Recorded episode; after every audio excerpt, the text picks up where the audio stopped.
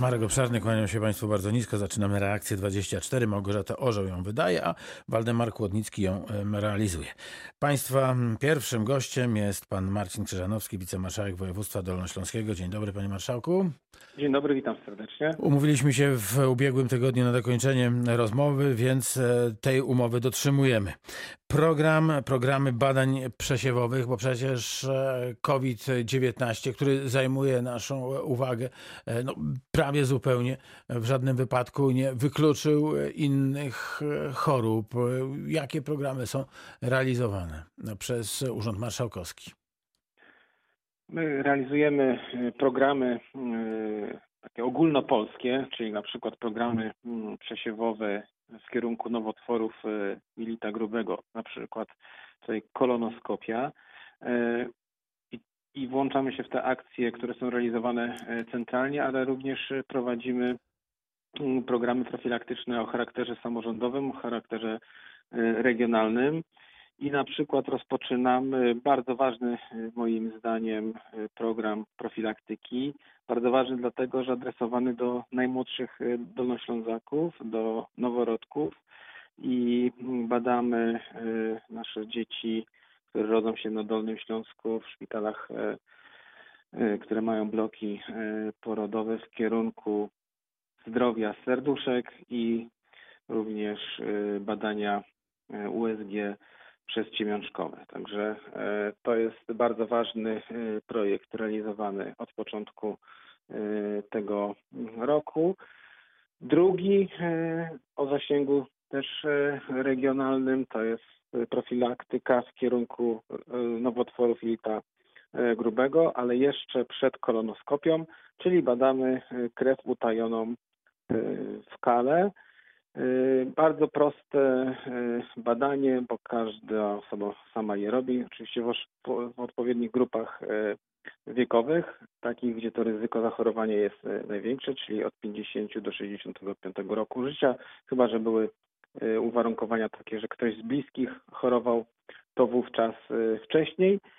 Już od 40 y, roku życia takie badanie można wykonać. No i poszczególne samorządy włączają się w tę nasze, naszą akcję i tak naprawdę już coraz więcej tych samorządów y, i tych miejsc na mapie Dolnego Śląska powstaje. Cały czas dynamicznie y, ten program y, rozwijamy.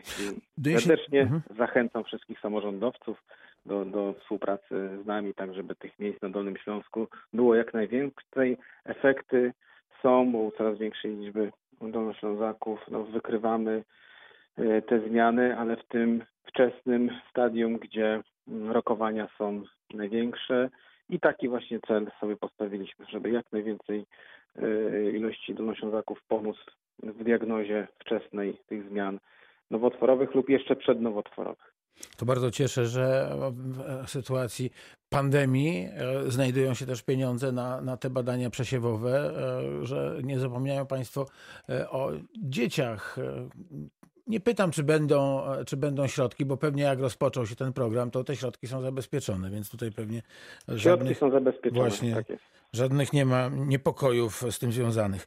E, Rzecz e, kolejna, mianowicie, no, mówił o tym pan marszałek wielokrotnie, ale myślę, że to jest ważne i należy do, e, do tego wracać wtedy, kiedy tylko można. Bezpieczne szpitale. Bardzo wielu z nas odkłada wizytę u specjalisty, odkłada zabiegi, bojąc się koronawirusa. No i, no i choroby, które, które nas zaatakowały przed pandemią, e, mają świetne pole do popisu. No, rozwijają się, bo e, nikt nie stawia im bariery i tamy. No, dok- dokładnie tak jest, jak redaktor, pan redaktor mówi. Są takie sytuacje, że nie można czekać i, i tutaj apeluję do tego, żeby się szpitali y, nie bać, bo inne choroby no, nie czekają, więc y, no, trzeba po prostu korzystać y, z, tej pomocy, która jest, nie zwlekać, bo to pogłębia choroby i często może doprowadzić do do śmierci. Często, no, często są takie sygnały właśnie ze środowiska medycznego, że często przyjeżdżają do, do pacjentów, którzy no, zaniedbali, nie dzwonili wcześniej, No i, i, i, i sytuacja stanie już jest na tyle poważny, że często tych osób już nie można e, uratować albo trafiają do szpitala w e, no, bardzo zaawansowanej, e, rozwiniętej chorobie i ciężko jest już im pomóc. Więc jeżeli, no proszę nie czekać w takich, takich sytuacjach. No apel apelem, ale strach przed zakażeniem koronawirusem jest. Szczepienia ruszyły, ale to jeszcze trudno mówić o tym, że one są powszechne i powszechnie dostępne. W związku z tym pewnie jest taka część osób, która po pierwsze chce doczekać do, do, do, momentu, kiedy zostanie zaszczepiona, no i myśli, wtedy to ja się za siebie zabiorę. No a e, są też pewnie tacy, którzy boją się, e, czy szpitale są odpowiednio przygotowane do tego, żeby nie zarażać pacjentów koronawirusem. No to ja pana marszałka zapytam, są przygotowane na to, e, żeby nie zarażać? No szpitale pracują w, w wyśrubowanych reżimach sanitarnych obecnie, y, więc robią wszystko, żeby y, te ryzyka związane z chorobą COVID-19 ograniczać. Bardzo często się to udaje, bo przecież każdego dnia pojawiają się pacjenci z innymi chorobami w szpitalach i każdego dnia te szpitale już po leczeniu opuszczają. Jeśli chodzi o program szczepień, to na, na dzisiaj wyszczepionych mamy już 10 tysięcy 137 pracowników naszych e, szpitali e, z kadry medycznej, więc podana da pierwsza, pierwsza dawka to też e, no, ogranicza ryzyko zakażeń w szpitalach. Oczywiście jeszcze większość gro personelu jest przed podaniem drugiej dawki, które, ale już też wyszczepiamy mm, pracowników drugą dawką, już ponad 2000 osób, więc pod tym względem im, im bardziej będziemy e, zaawansowani w programie szczepień, tym to ryzyko będzie, będzie mniejsze także i w szpitalach. No tak, ale z, z drugiej strony też trzeba powiedzieć e, o tym, że też szpitale nie zasypiają gruszek w popiele. No, choćby e, ta wspaniała, wspaniały sukces operacji, operacja 14-latki, której wycinano guz mózgu, e, a w, w trakcie operacji rozmawiała z chirurgami. To nie tylko rozmawiała dlatego, żeby, żeby był to efekt PR-owski, ale dlatego, żeby, żeby nie uszkodzić owego, owego mózgu. Więc tutaj się jakby jest ta druga, druga część e, działalności szpitali. Tutaj mówię o oddziale neurochirurgii Dolnośląskiego tak. Szpitala Specjalistycznego im. Tadeusza Marcinaka. Także to są, to są, to są też przykłady na to, że, że, że warto o siebie, o siebie zadbać, że specjaliści są przygotowani, że, że z sukcesem nawet te najbardziej skomplikowane operacje się kończą. Dokładnie tak. My się koncentrujemy w dużej mierze obecnie na e, COVID-zie i dyskusje i nasze myśli wokół tego obszaru e, się skupiają, ale musimy pamiętać e, o tym i warto o tym pamiętać, że szpitale leczą również pacjentów bez choroby COVID-19 i, i to jest cały, cały dodatkowy ciężar który spoczywa teraz na, na systemie ochrony zdrowia i na wszystkich e, pracownikach e, z nią związanymi, e, no żeby ten balans utrzymać, żeby nieść pomoc wszystkim chorym. To w zależności od tego, w jakim etapie epidemii i na, i na których początkach, końcach fali, fal się znajdujemy, bo epidemia rozwija się falowo, to to jest lub albo trudniejsze, albo łatwiejsze, albo tych łóżek covidowych jest w szpitalach więcej, albo mniej. Teraz na szczęście jesteśmy w takim momencie pandemii, w odróżnieniu do wszystkich krajów, które są dookoła, że tych zachorowań mamy, mamy mniej i łóżek e, dedykowanych covidowi mamy również mniej. Ten ciężar się przechyla w stronę innych, innych chorób. Miejmy nadzieję, że ten trend będzie się utrzymywał, choć będzie to niezwykle trudne, no biorąc też pod uwagę zmiany, mutacje tego koronawirusa, jeśli chodzi o ten model typ brytyjski, który jest bardziej zaraźliwy. No i o to się teraz tutaj wszyscy martwimy i martwią, żeby jego skala występowania w naszym kraju nie była taka tak liczna, jak, jak jest w innych e, krajach, w Wielkiej Brytanii, gdzie ta liczba zachorowań jest ogromna. Zresztą dzisiaj liczba śmierci przekroczyła taką dramatyczną e, granicę ponad 100 tysięcy osób w Wielkiej Brytanii. Pan Marcin Krzyżanowski, wicemarszałek województwa dolnośląskiego, Państwa gościem. Na koniec e, tej naszej rozmowy, bo reakcja 24 bez środy poświęcona jest właśnie pomaganiu, to chciałbym zapytać, jak wygląda pomoc Urzędu Marszałkowskiego dla samorządów, dla tych wszystkich, którzy walczą e, z pandemią COVID-19. Pomoc jest e, no, wieloraka. Pierwszy taki element, w który bardzo mocno zaangażowaliśmy się od samego początku tutaj wspólnie e, z panem wojewodą, Narodowym Funduszem Zdrowia, to koordynacja e, działań e, w walce z pandemią, więc staramy się to koordynować na, na poziomie poszczególnych szpitali, placówek medycznych. Codziennie spotykamy się, codziennie omawiamy problemy i codziennie wzajemnie sobie pomagamy w różnych obszarach wsparcia w infrastrukturze, przekazywaniu pacjentów, to ten ważny aspekt organizacyjny, w którym sobie wzajemnie pomagamy. Również w okresie pandemii uruchomiliśmy ważny y, projekt, czyli wspólną grupę y, zakupową dla wszystkich podmiotów ochrony zdrowia, tak żeby zakupy były dla nas tańsze, na lepszych warunkach. Również tutaj y, zapraszamy wszystkie Y, podmioty bez względu i samorządy, bez względu na to, kto jest ich właścicielem. Zwykle są to samorządy powiatowe i, i gminne. No i ostatni taki wymiar już najbardziej namacalny to dodatkowe środki, które mm, przekazujemy, przekazywaliśmy na rzecz innych podmiotów ochrony zdrowia, ale również szpitali marszałkowskich. To już ponad 100 milionów złotych ze środków europejskich i z budżetu mm, województwa dolnośląskiego. Środki, które trafiły innymi na budowę szpitala kontenerowego w Bolesławcu, który już funkcjonuje i jest dużym tutaj odciążeniem tamtej części województwa, jeśli chodzi o chorych na, na COVID, ale to sprzęt medyczny, środki ochrony indywidualnej. W czasie COVID-u też trafiły do pogotowi ratunkowych pierwsze y, karetki bariatryczne, czyli przeznaczone dla tych osób z, z nadwagą, taką olbrzymią, czyli e, specjalne karetki do przewozu osób e, otyłych, więc no dużo się dzieje na, na Dolnym Śląsku i to wsparcie jest szerokie, wieloaspektowe. Możemy śmiało powiedzieć, że szpitale są dobrze wyposażone, e, mają zabezpieczenie, jeśli chodzi o środki ochrony indywidualnej. To, co możemy zrobić, tak, jeśli chodzi o takie wsparcie fizyczne, to, to w szpitalach jest i ciągle, ciągle trafia. Panie Marszałku, bardzo dziękuję. Państwa gościem był pan Marcin Krzyżanowski, wicemarszałek województwa dolnośląskiego. Pozdrawiam, dużo zdrowia. Dziękuję również, pozdrawiam, dużo zdrowia wszystkim Państwu życzę. A z nami jest e, teraz zapowiadana pani dr Anna Grabińska, specjalistka chorób zakaźnych z Wojewódzkiego Szpitala Specjalistycznego imienia Jerzego Gromkowskiego przy ulicy Koszarowej we Wrocławiu. Dzień dobry pani doktor. Dzień dobry. Pani doktor e, służy nam jako przykład osoby e, zaszczepionej. Rozmawialiśmy po pierwszym szczepieniu.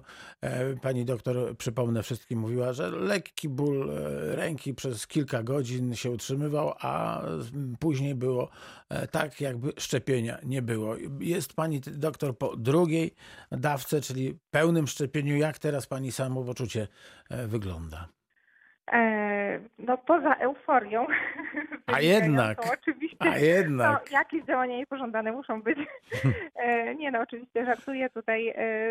Zgodnie z oczekiwaniami w poniedziałek ubiegły, czyli ponad tydzień temu, przyjęłam drugą dawkę szczepionki i wbrew troszkę moim oczekiwaniom. E, działań niepożądanych praktycznie e, nie było po tej drugiej dawce. Bolesność ramienia była zdecydowanie mniejsza niż po pierwszej dawce.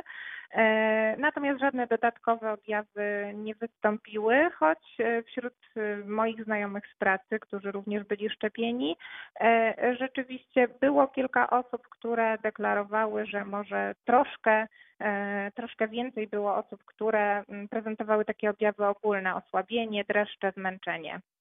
Czyli objawy, które często towarzyszą tym szczepiącym się na grypę. E, Można to w ten sposób e, najogólniej określić? Powiem tak, y, tutaj nie ma reguły, reakcja jest bardzo indywidualna. Wydaje mi się, że szczepionka e, przeciwko grypie no, jest raczej traktowana jako chyba jeszcze lepiej tolerowana niż e, szczepionka przeciwko COVID-19, aczkolwiek ciężko się wypowiadać, bo oczywiście nasze doświadczenia z tą szczepionką są bardzo krótkie. Pani doktor, to chciałem zapytać, e, kiedy nabywa się już tej pełnej odporności po szczepieniu? Czy, czy pierwsza dawka to już jest sygnał, że nic się nas imać nie będzie? Myślimy oczywiście o wirusach.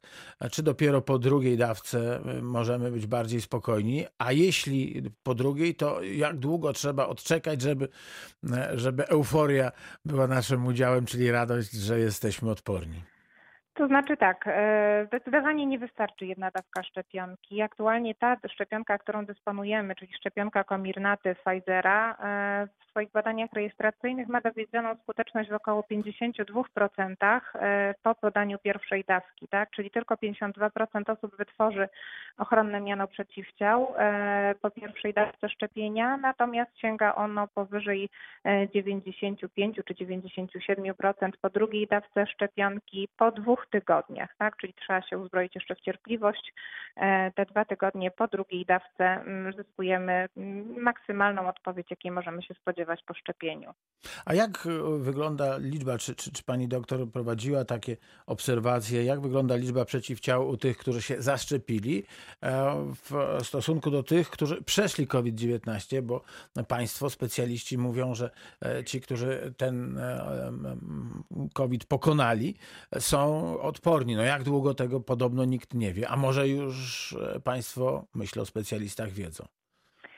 To znaczy tak, e, w związku z powyższym, że e, pierwsze szczepienia w Polsce były realizowane od 27 grudnia, to właściwie ta najwcześniej zaszczepiona grupa dopiero niedawno przyjęła drugą dawkę szczepionki. E, ja w tej grupie miałam przyjemność się znaleźć i w związku z powyższym ten e, ustawowo określony czas 14 dni jeszcze nie minął. E, dlatego jest jeszcze za wcześnie, żeby mm, taki poziom przeciwciał już sprawdzać, kontrolować.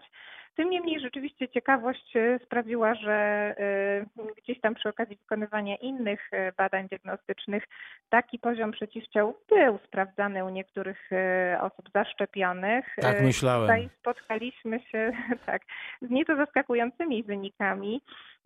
Rozpiętość tych poziomów przeciwciał jest ogromna. Jeżeli chodzi o osoby, które przebyły COVID-19, zwykle to miano przeciwciał, które te osoby prezentują mieści się w granicach około kilkudziesięciu, stu, dwustu, to już jest naprawdę wysokie miano. E, mówię tu o przeciwciałach w klasie IgG. Dodatni wynik notujemy powyżej 15 mm, jednostek międzynarodowych i to oczywiście dotyczy badania, które wykonywane jest w naszym ośrodku. E, natomiast osoby u nas, które zostały zaszczepione, e, dwie pierwsze, u których skontrolowałam to miano akurat przy innej okazji, jedna zaprezentowała miano 2800, druga 1200, tak więc są to Niesamowita różnica. Dokładnie, totalnie odbiegające od, od tych wartości, które uzyskujemy po przechorowaniu, aczkolwiek jedna z tych osób była również po przechorowaniu COVID-u, tak, więc E, trzeba tutaj uwzględnić e, ewentualną, powiedzmy, interferencję, wpływ e, przebytego zakażenia plus szczepienia, dlatego że mm, kolejne osoby, u których kontrolowaliśmy te miana przeciwciał po szczepieniu, tak jak zaznaczam, to było zdecydowanie zbyt wcześnie, to u nich miana były 55, 56, tak? czyli dużo, dużo niższe wartości, takie bardzo typowe jakby dla przebytego COVID-u. Wygląda więc na to, że być może wpływ zarówno przebytej infekcji COVID-19, jak i szczepienia, ich połączenie jest najlepszym boosterem dla odporności, aczkolwiek oczywiście tego nie zalecamy.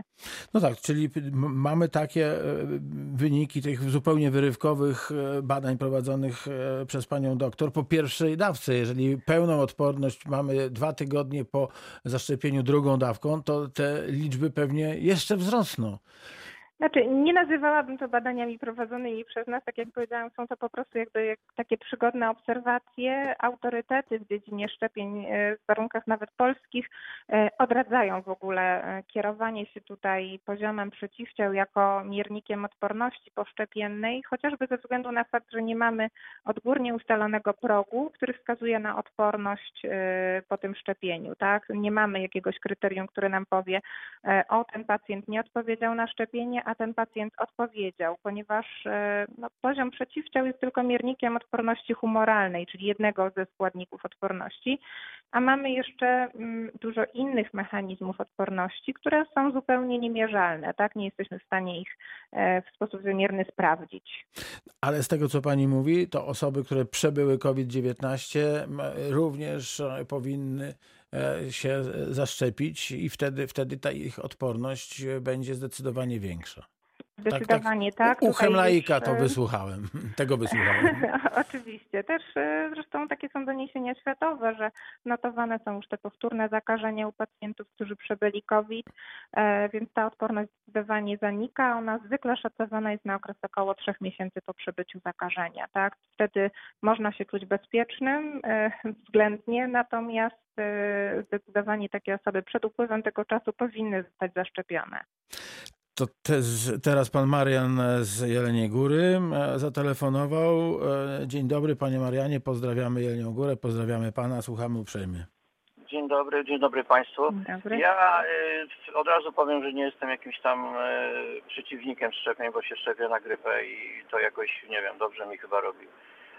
Mam taki problem tylko z jakimś podjęciem takich, do, takich pozytywnych decyzji w stosunku do tej szczepionki, ponieważ no, pań, pytam Panią, jako, jako, że Pani się zna i Pani podjęła tą, tą taką, że Pani się zaszczepiła, ale y, czytam, że Pfizer odmówił odpowiedzialności za, za, za, za powikłania, które mogą tu się za, z tym y, mieć. I to, to, to mnie zaskakuje, ale z drugiej strony Pani doktor, no przecież y, wszyscy dobrze wiedzą o tym, że szczepionka nie jest gwarantem, że człowiek nie zachoruje.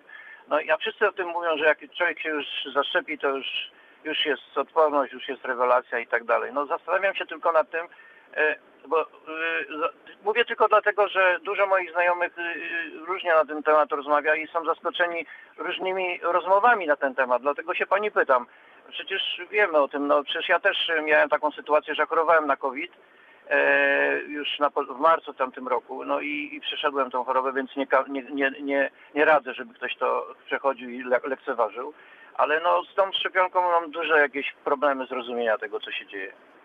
Pani doktor, prosimy o, o komentarz to znaczy, tego, co tak, pan Marian powiedział. E, oczywiście, szczepienie nie jest e, działaniem, które jest przymusowe, jest absolutnie dobrowolne, podpisujemy zgodę na to, że będziemy szczepieni e, i nikt wbrew woli człowieka czegoś takiego e, oczywiście nie zrobi. E, natomiast no, trzeba pamiętać o jednej rzeczy, że przebieg COVID-u nie zawsze musi być taki sam. Te osoby, u których odnotowano powtórne zakażenie wirusem SARS-CoV-2, bardzo często prezentowały zupełnie odmienny przebieg. Tak? Były to na przykład osoby, które przeszły pierwszy incydent skąpoobjawowo, w drugim natomiast przypadku e, te objawy były już bardziej e, silnie wyrażone. Stąd też nie można mieć takiej stuprocentowej pewności, że skoro pierwszy powiedzmy incydent był u danej osoby lekki, to że kolejne zachorowanie również e, nie będzie niosło ze sobą jakichś poważnych konsekwencji zdrowotnych.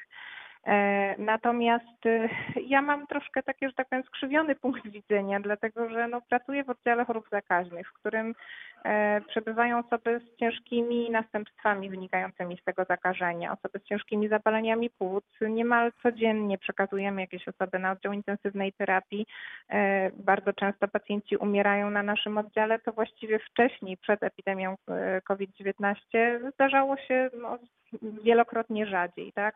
Więc y, stąd też ja nie mam kompletnie żadnych wątpliwości. Jeśli szczepionka y, choćby na pewien czas, czy to na rok, czy to na dwa, czy to na pięć lat, zapewnia mi 95%, 95% szansę na to, żeby uniknąć zakażenia, e, to w takiej sytuacji podpisuję się pod tym obiema rękami. Nie mam żadnych wątpliwości. Pani, doktor, jeszcze tylko mam jedno pytanie, właśnie to, co pani powiedziała. A jak, na ile działa ta szczepionka? Ile ona ma być, ile ona jest aktywna? Czyli jak my weźmiemy tą szczepionkę pierwszą i drugą, to na ile jesteśmy uodpornieni?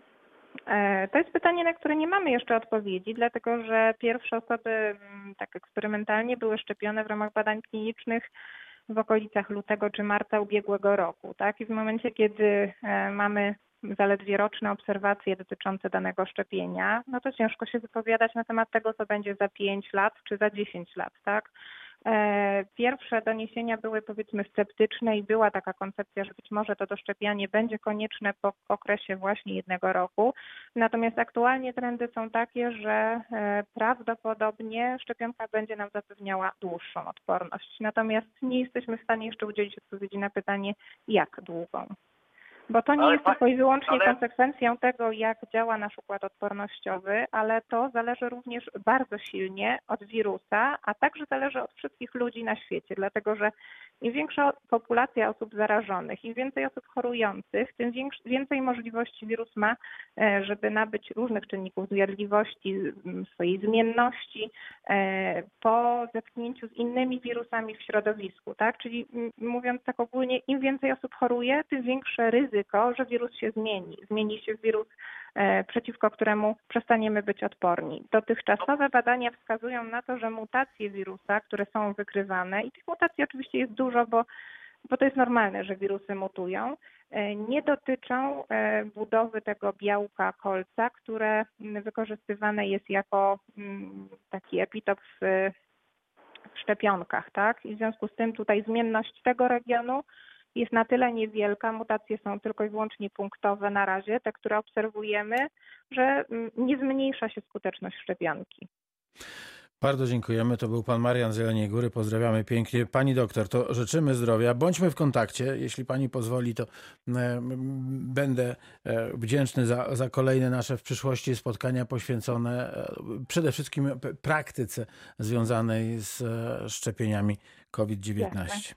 Pani doktor Anna Grabińska, specjalistka chorób zakaźnych z Wojewódzkiego Szpitala Specjalistycznego imienia Jerzego Gromkowskiego przy ulicy Koszarowej we Wrocławiu. Dzisiaj Państwa gościem była zdrowa, zaszczepiona, szczęśliwa. Tak. Trochę zazdroszczę. Dziękuję bardzo. Wszystkiego dobrego. Dziękuję również. Do usłyszenia. Już jesteśmy teraz w Dzierżoniowie, a tam pani Justyna Fior. Dzień dobry. Dzień dobry, witam serdecznie. Dzień dobry pani Justyno. E, chciałem z panią porozmawiać e, o tym, co robi pani poza pracą zawodową. Jest pani wolontariuszką, to od razu wszystkim Państwu powiem, bo już przecież zapowiadając Panią Justynę o tym wspominałem. E, a teraz dowiemy się z samego źródła, jak to się stało, że zechciała się Pani podzielić swoim czasem, energią, mhm. siłą e, z innymi, tymi trochę słabszymi. Panie redaktorze, z chęci. A tak poważnie to no na pewno z systemu wartości, jaki wyznaję, tak? Że e, nie tylko pieniądze, nie tylko zabawa, nie tylko dobro materialne się liczy, ale właśnie taka ludzka pomoc ludziom, takie wyciągnięcie ręki dla osób troszkę słabszych, potrzebujących pomocy, potrzebujących czasu, którzy no, no, są zdani albo tylko na siebie, albo z powodu choroby nie są, nie są w stanie być tacy, tak, tak sprawni, jak, jak na przykład jestem ja, prawda? No tak, ale to bardzo ładnie brzmi, co pani powiedziała. Ja bym się mhm. chciał jednak dowiedzieć o, o, ten moment, w którym pani właśnie tak pomyślała. No dobra, jestem sprawna, jest, jest mi dobrze, mhm. e, no to, to może jednak zrobię coś e, dla innych? Tak, dokładnie tak. Jestem zdrowa, jestem młoda, mogę chodzić, mam dużo siły, jest teraz, nie, nie oszukujmy się, że też e, skłoniła mnie do tego sytuacja z pandemią, jaka jest teraz e, w kraju na całym świecie. Dostałam sygnał, że są osoby, w tym przypadku seniorzy, którzy potrzebują pomocy. Sama się zgłosiłam, bo po prostu w którymś momencie pomyślałam, że takie osoby są właśnie zdane same na siebie, nie mają nikogo, komu, kto mógłby im pomóc. A ja mam czas, a ja mogę, bo dla mnie to nie jest problem poświęcić trochę czasu chociażby po to, żeby zobaczyć u tych osób e, radość i taką wdzięczność. To, to jest bardzo budujące. A wcześniej pani e, brała udział w jakichś akcjach pomocowych, w akcjach dobroczynnych? Czy, powiem, powiem czy tak. nie? Brałam, brałam, wiadomo, no troszkę mniej i troszkę z innych, innego typu akcjach, mhm. tak, bo były to na przykład akcje, które, e, w których była organizowana zbiórka na jakieś cele, tak, zawsze do tej zbiórki e, dokładałam coś od siebie, e, czy wśród, wśród znajomych, wśród rodziny roz, rozsyłałam wiki, że jest taka akcja. Z poprzednią firmą, w którą miałam okazję pracować, zgłaszałam e, do fundacji dzieci, które wymagały pomocy. Były to dzieci niepełnosprawne bądź, bądź, e, bądź z innych przyczyn potrzebowały pomocy finansowej tudzież rehabilitacji. Także bardziej może w ten sposób, że kierowałam po prostu, tak? Wiedziałam, że jakaś fundacja może pomóc, więc zgłaszałam tą osobę i machina cała ruszała. Stricte taka, taka, taki wolontariat pierwszy raz tak naprawdę. No tak, bo to ja myślę, że wcześniej to był taki trochę wolontariat e, biurowo-datkowy. E, tak, tak, tutaj coś tak zrobimy, tu, tu, tu, to fajnie, że przekażemy e, i wiemy na, na jaki cel przekażemy pieniądze, dzielimy się tym mhm. dobrem, który mamy, ale tu się pani dzieli sobą, swoją pracą, swo, swoim, no, ja, ja, nie powiem pewnie, że górniczym wysiłkiem, no, no, ale, ale jednak jakimś wysiłkiem tak, no trzeba się ruszyć, to już nie można tego załatwić przed ekranem komputera. No nie, zdalnie tego nie załatwimy, na telefon tego nie załatwimy ale proszę mi wierzyć, nawet, nawet jeżeli to byłby dłuższy czas, tak? Bo e, tu w sytuacji, w której działam w wolontariacie, to jest na zasadzie robienia zakupów, dostarczania tych zakupów do seniora, ale niejednokrotnie jest tak, że ten czas troszkę dłużej potrwa, bo trzeba z tą osobą, chce się nawet z tą osobą no porozmawiać, bo ta osoba potrzebuje tego i my również chcemy się dowiedzieć, co u takiej osoby słychać, czy wszystko w porządku, czy może oprócz tych zakupów coś jeszcze jest potrzebne, apteka, leki, cokolwiek, tak? A zaprzyjaźniacie się? Czy to za duże słowo? Nie, to jest to, myślę, że to jest za duże słowo, tak? Jednak y, ja uważam, że w takich relacjach też należy zachować dystans. Nie można się też pouchwalać y, aż tak bardzo. Ta, ta osoba ma wiedzieć, że ma pomoc w nas. Mhm. Bo później niestety, no, są, są różne sytuacje, tak? Ja akurat na swoim przykładzie nie mogę powiedzieć, bo nie spotkała mnie żadna przykra, przykra, yy, przykra sytuacja, yy, ale takie osoby, no później Wie pan, to trwa, wolontariat trwa. On nie będzie pewnie trwał wiecznie, e, bo sytuacja się zmieni, a po prostu ja też nie chcę mieć takiej, takiej przykrości, że ta osoba później zostanie. Mogę ją sporadycznie odwiedzić, mogę zadzwonić, bo numer telefonu mam, bo ja nawet jak nie chodzę, to dzwonię, kontaktuję się z tą panią akurat, bo jest to kobieta ale nie chcę później takiego poczucia, że ta osoba y, po prostu zawiedzie się, tak? Będzie oczekiwała ode mnie czegoś więcej niż coś, to, co mogę jej dać. Czyli nie, nie uzależniacie się od siebie? Nie, nie, nie, absolutnie, absolutnie. Powiedziała Pani e, o tych profitach, e, które są e, mhm. dzięki tej pracy dobroczynnej. To nie są pieniądze, ale to jest ta satysfakcja, której pewnie za pieniądze nie da się kupić, bo wiele rzeczy można kupić, ale satysfakcji sądzę, że nie. Nie, nie. Przede wszystkim nie tylko satysfakcja, ale też takiego poczucia docenienia, że jestem komuś potrzebna. To mhm. naprawdę buduje człowieka, naprawdę buduje człowieka. Każda, każda pomoc, jaką zaoferuje i ta wdzięczność w, tym, w, tym, w tych oczach czy w geście, tak, złapania za rękę, za ramię, to jest naprawdę coś cudownego. Ktoś może nie wierzyć, tak? No jak? No, uśmiech mam coś wynagrodzić? No tak, tak, tak ma być, tak powinno być. Powinniśmy być tacy dla ludzi, a nie tylko patrzeć na, na sytuacje, z których mamy profity, tak? To ja powiem Pani Justyno tak, jak nie wierzy, to niech spróbuje. O, zachęcam, zachęcam, naprawdę warto. To nie wymaga całego dnia, to czasem jest chwila, czasem krótsza, czasem dłuższa a naprawdę jest to budujące i przede wszystkim napędza człowieka do życia i do działania. Pani Justyno, słyszę w Pani głosie tyle energii, takiej dobrej, tyle uśmiechu, że e, też buzia mi się cieszy.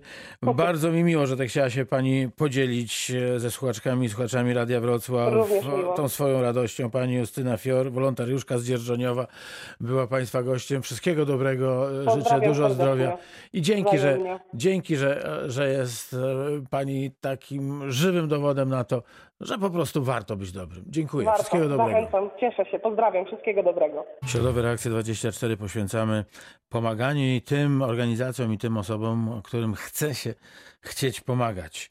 Z nami pani Małgorzata Sieńczyk, dyrektor Biura Krajowego Towarzystwa Pomocy imienia Świętego Brata Alberta, członek zarządu głównego. Dzień dobry, pani Małgosiu. Dzień dobry, witam państwa serdecznie. Ech trudno się mówi o osobach, e, którym chce się pomóc, a które nie zawsze tę pomoc przyjmują. Trudno się mówi o tych, którzy przez los, czasem też przy własnym udziale zostali mocno poturbowani. Myślę o tych dotkniętych kryzysem bezdomności, e, do którego jeszcze może się dołączać kryzys alkoholizmu. No ale przecież e, to właśnie Towarzystwo Pomocy imienia świętego brata Alberta e, do tych ludzi wyciąga rękę. Od roku to wyciąganie jest niezwykle utrudnione. Myślę tutaj o pandemii koronawirusa. Jak sobie teraz Państwo dają radę? Jak sobie dają radę e, osoby, osoby bezdomne, osoby, które uzależnione są od alkoholu? Tak, e, towarzystwo już od 40 lat e, wyciąga tą rękę do osób bezdomnych. W tym roku mamy 40-lecie. Ten rok ten rok, poprzedni rok i ten rok e, jest rokiem szczególnym, jest trudnym rokiem ze względu na pandemię.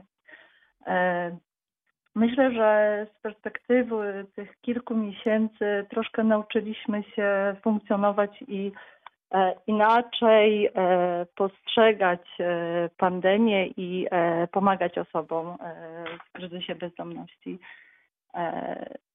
Jeśli chodzi o, o placówki, to na Dolnym Śląsku i we Wrocławiu uruchomiliśmy e, taką placówkę buforową, e, kontenery, e, również w Jeleniej Górze. A, a co się dzieje w tych, w tych placówkach, proszę powiedzieć? Bo to zabrzmiało, zabrzmiało groźnie. Uruchom, nie, nie, uruchomiliśmy nie. kontenery. Ojej.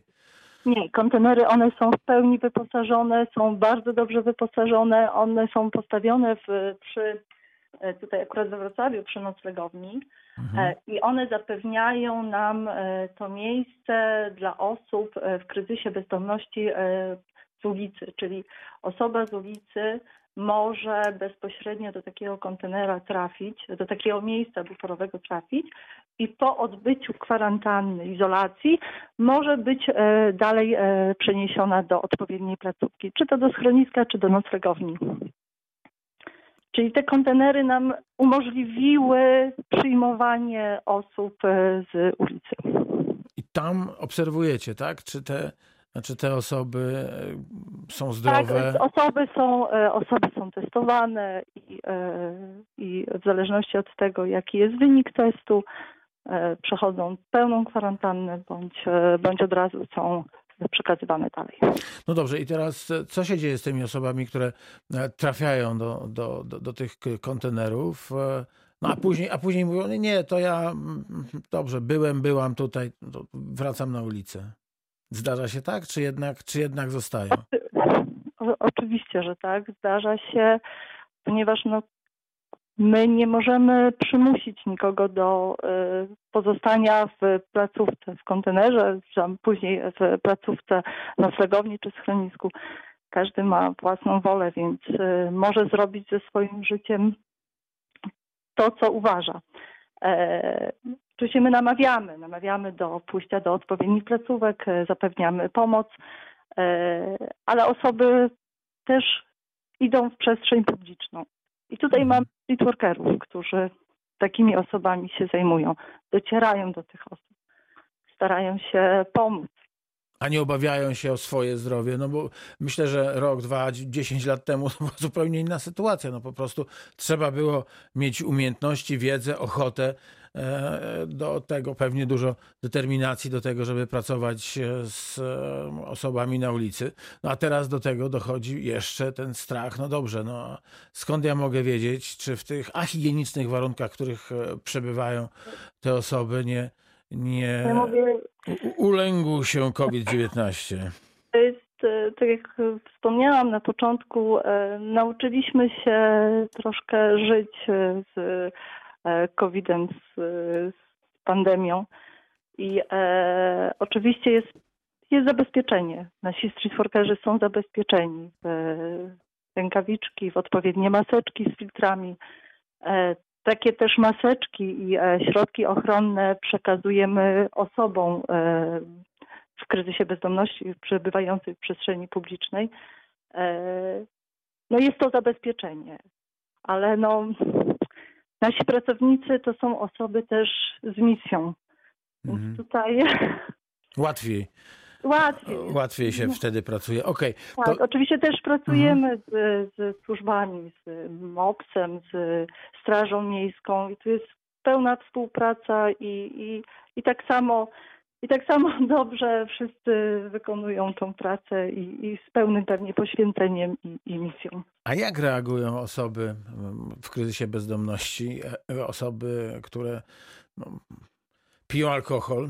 Jak reagują na, na, na street workerów? Jak reagują na chęć pomocy? To, to, to zależy. Oczywiście w niektórych y, przypadkach to są lata. To są lata e, zawierania e, kontaktów, utrzymywania tych kontaktów. Mhm. E, I nieraz się uda, nieraz się nie uda z taką osobą e, dalej popracować. Teraz mhm. mamy taki projekt Housing First. To jest projekt e, trzy, e, trzech, w partnerstwie z trzema gminami, Wrocław, Warszawa i Gdańsk. I 10 osób z przestrzeni, bezpośrednio z przestrzeni publicznej otrzymały mieszkania. I no muszę przyznać... Czyli z ulicy do mieszkania? Tak, z ulicy do mieszkania. I e, w 80% e, udaje się tym osobom być w tym mieszkaniu i e, zmieniać swoje życie. To jest proces długoterminowy, ale przynosi efekty. Przynosi nad wyraz, nad wyraz dobre efekty. To budujące, co pani mówi. A ja jednak wrócę do, do, do tego pytania o, o, pomoc tu i teraz. Czy jeżeli, jeżeli chce pomóc się e, takiej osobie no, w kryzysie bezdomności, e, to, to te osoby przyjmują taką pomoc, czy mówią nie, ja, ja sobie świetnie daję radę, no trudno, nie ma, nie ma tyle ludzi na ulicy, nie ma tych straganów, którym kiedyś mm, e, pomagałem się zwinąć albo rozwinąć i za to było coś do, do jedzenia. Ja, ja sobie poradzę. Czy jednak przyjmują, przyjmują tę pomoc, są świadomi zagrożenia tak. przez pandemię?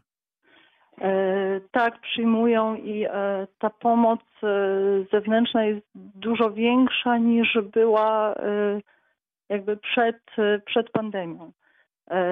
Dużo bardziej i w większym zakresie musimy zabezpieczyć w cudzysłowie ulice, tak? czyli osoby przybywające na ulicy. Trzeba im dostarczyć jedzenie, trzeba im dostarczyć oczywiście jedzenie, które mogą bez podgrzania czy bez jakichś takich sprzętów e, podgrzać. Więc e, tak, jest dużo większe zapotrzebowanie na to, żeby te osoby zabezpieczać w żywność. I, One czekają na, to, na, na tę tak. pomoc?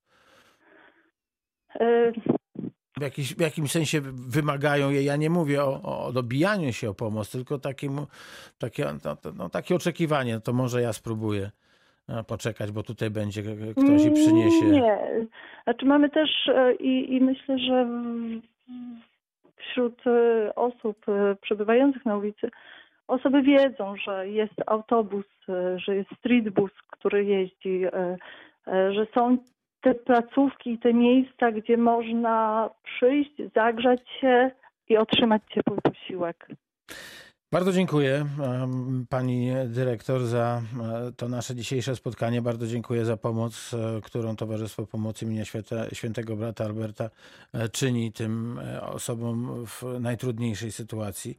Pozdrawiamy wszystkich darczyńców. Jeśli ktoś z Państwa chce pomóc Towarzystwu Pomocy imienia Świętego Brata Alberta, to nic prostszego. Proszę o kontakt z Towarzystwem i pewnie wszystkie szczegóły zostaną domówione.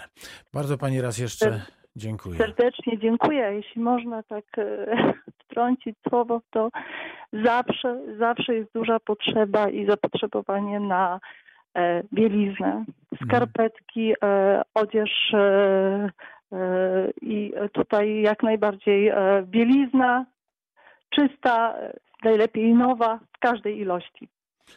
Bardzo dziękuję. Raz jeszcze. Dziękuję Wszystkiego serdecznie. dobrego. Dziękuję bardzo.